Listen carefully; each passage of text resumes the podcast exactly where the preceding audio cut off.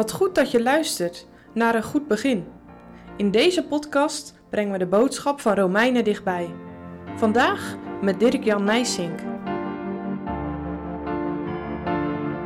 Paulus laat in zijn hart kijken.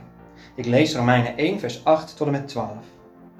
Eerstelijk dank ik mijn God door Jezus Christus over u allen, dat uw geloof verkondigd wordt in de gehele wereld. Want God is mijn getuige, welke ik dien in mijn geest in het evangelie van zijn Zoon, hoe ik zonder nalaten aan u denk. Altijd in mijn gebeden biddend, of mogelijk mij nog de enige tijd goede gelegenheid gegeven werd, door de wil van God, om tot u te komen. Want ik verlang om u te zien, opdat ik u enige geestelijke gaven mocht mededelen. Ten einde met dat doel dat u versterkt zou worden. Dat is om mede vertroost te worden onder u, door het onderlinge geloof, zo het uwe als het mijne. Vertel jij wel eens aan iemand waar je voor bidt en dankt? Soms zeg je dat misschien wel eens, of zegt iemand het tegen jou als je het moeilijk hebt. Ik zal voor je bidden. Dat is mooi.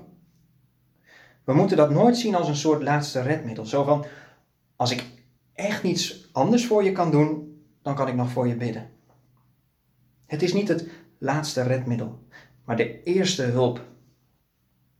Bidden en danken.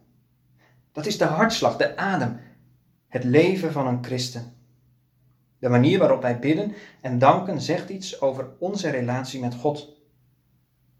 Het is tegelijk ook niet iets waar je heel veel met anderen over spreekt. Ik denk dat Paulus dat ook niet deed. Maar toch laat hij in elke brief wel even in zijn hart kijken. Daaruit merk je dat Paulus de gemeenten en de christenen op zijn hart draagt. En dat gebedsleven van Paulus is een voorbeeld. Als ik erover nadenk, word ik ook wel een beetje stil. Als Paulus in zijn gebed aan de christenen in Rome denkt, dan wordt hij blij. Niet zomaar blij omdat het zulke fijne mensen zijn, maar omdat zijn gedachten dan meteen naar het heerlijke werk van God in de Heer Jezus Christus gaan. Want in heel de wereld is het bekend geworden dat er nu ook in Rome, de belangrijkste wereldstad, gelovigen zijn. En dat is het werk van God. Dat delen van de inhoud van onze gebeden, dat zijn wij niet zo gewend. Er is nog iets dat mij in dit gedeelte opvalt. Dat heeft er wel een beetje mee te maken. Want hoe komt het dat wij niet zoveel praten over de geestelijke dingen? Zijn wij ook niet kinderen van onze tijd? Onze cultuur kenmerkt zich door individualisme. Jij moet het doen. Jij moet iets van het leven maken. En als je dat vertaalt naar het geloof, dan wordt het geloof een pure individuele aangelegenheid. Maar de Bijbel benadrukt juist veel meer het gemeenschappelijke van het geloof. Paulus doet dat ook. Hij zet hierin op de relatie. Hij kijkt ernaar uit om in de gemeente mensen, christenen, medegelovigen te ontmoeten. En hij komt dan niet alleen iets brengen, maar ook iets halen. Hij spreekt over de versterking van het onderlinge geloof. Als christenen ben je aan elkaar gegeven. Om elkaar op te bouwen. Om elkaar te bemoedigen en te versterken. De christelijke gemeente is geen los zand. Een korreltje zand is niets.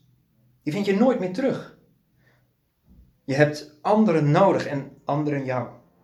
En juist in deze tijd is dat wel iets om extra aandacht te geven. Ik hoop dat jij iets kent van het echte geloof dat Paulus kende. Misschien heb je ook veel vragen. Of durf je niet over jezelf te zeggen dat je dat echte geloof hebt? Wie kan jou helpen? Praat er eens met mensen over. Misschien kun jij op jouw beurt ook weer iets betekenen voor iemand anders. Denk erover na.